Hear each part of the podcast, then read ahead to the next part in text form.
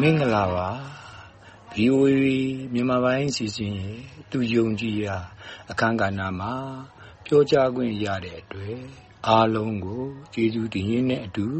မင်္ဂလာပါလို့ပြောကြားလိုပါတယ်ကျွန်တော်အခုပြောချင်တာကတော့လူသားအားလုံးဟာဘဝတစ်ခုကိုရလာပြီဆိုရင်မိမိတို့ကြိုက်နေတဲ့တဲ့ကိုယ်ွယ်မှု အလေးမြတ်ထားမှုအယူသည်ပြုမှုဆိုတဲ့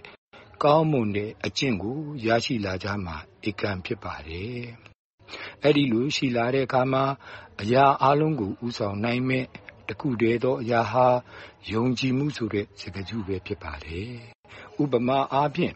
ယုံကြည်မှုဆိုတာအရာအလုံးရဲ့အခြေခံကြဆုံးဖြစ်တဲ့တဘာဝတရားကြီးဖြစ်ပါတယ်။အဲ့ဒီတဘာဝတရားကြီးဟာအခြေခံကြတယ်လို့ဆရာအဖြစ်လေ လေ့လာစိကပ်ပြီး မှတ်သားခြင်းကြင့်ကြံခြင်း အားထုတ်ခြင်းဆိုတဲ့ ရည်မှန်းချက် ရည်ရွယ်ချက်တွေဟာ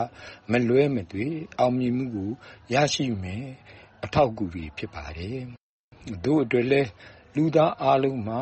ယုံကြည်မှုရှိဖို့ လိုအပ်လာပါတယ်။ကျွန်တော်ရဲ့ ယုံကြည်မှုအနေနဲ့ ဘာသာတရားကို ရှေ့တန်းတင်ပြီး နီလန်းအစ်စ် လုပ်ငန်းအစ်စ် လူမှုရေးဆိုင်ရာ စီးပွားရေးဆိုင်ရာ နိုင်ငံရေးဆိုင်ရာ အားလုံးကို မိမိတို့စိတ်အစဉ်နဲ့ရှင်းပြီး ကောင်းဤမကောင်းဤမှန်ဤမမှန်ဤဆုံးဖြတ်ချက်ချပြီး အဲ့ဒီဆုံးဖြတ်ချက်အတိုင်း လေးလေးနက်နက် ယုံကြည်ကောင်းတွေပေါ်ရပါမယ် ကျွန်တော်အနေနဲ့ အဓိကကြတဲ့ စိတ်ကို အရင်ဆုံးတိဆောက်နေပါတယ် လေ့ကျင့်ပေးနေပါတယ် မကောင်းမှုမှန်သမျှကိုလည်း မလုပ်မိဖို့နဲ့ လုပ်မိခဲ့ရင်လည်း အမှန်ဖြစ်အောင် အမြဲဆုံး ပြင်ဆင်သင့်ပါတယ် ကောင်းမှုမှန်သမျှကို လုပ်ကိုလုပ်မယ်ဆိုပြီး စာတွေ့ လက်တွေ့နဲ့ရှင်းပြီး တိုးတက်တည်တဲ့တိုးတက်အောင်ပုံမူကြိုးစားပါ အမြဲတမ်းလဲကြိုးစားနေရပါမယ်တွေးတော့ကြံစီရမှာလဲမိမိခန္ဓာကိုယ်ကိုနေ့စဉ်တန်ရှင်းစေတယ်လို့